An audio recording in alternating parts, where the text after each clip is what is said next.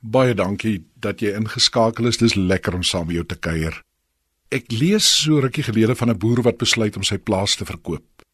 Die drade wat hy elke week moes versien, die die voer wat hy moes uitpak en die waterpype wat kort kort gebars het, het vir hom net eenvoudig te veel geraak. 'n Paar dae later bel die eiendomsagent hom en lees die koerantadvertensie vir die boer. Dit het die plaasie beskryf as 'n pragtige plekkie in 'n ideale omgewing, stil en rustig omring deur groen heuwels, gevoed deur die dam en geseën met goed geteelde diere. Die boer het vreeslik aandagtig geluister en, en toe die agent daar is toe vra hy dat die agent dit weer vir hom moet lees. Naai dit vir die tweede keer gehoor het, sê hy vir die eienaarsagent, hy sê jong, ekskuus, hy sê maar ek gaan nie meer verkoop nie. Ek het my hele lewe lank nog na so 'n plek gesoek.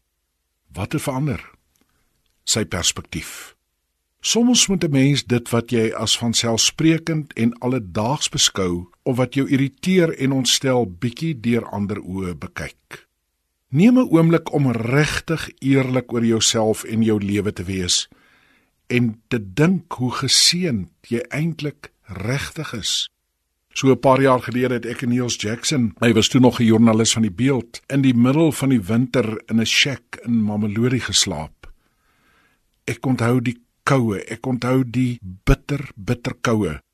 Dit het my so anders na die gewone goed laat kyk. Ek onthou hoe die warm stort in ons eie huis die volgende dag vir my letterlik soos water uit die hemel was. Beteken hierdie positief en dankbaar leef dat jy jou oosluit vir dit wat verkeerd en stikkend is allermins. Gaan lees gerus Psalm 103.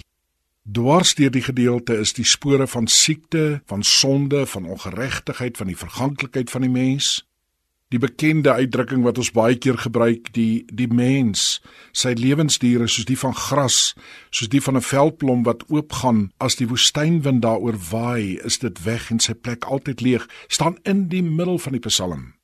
Maar nou die belangrike dit keer nie die psalm skrywer om 7 keer in die psalm sy lof uit te spreek nie.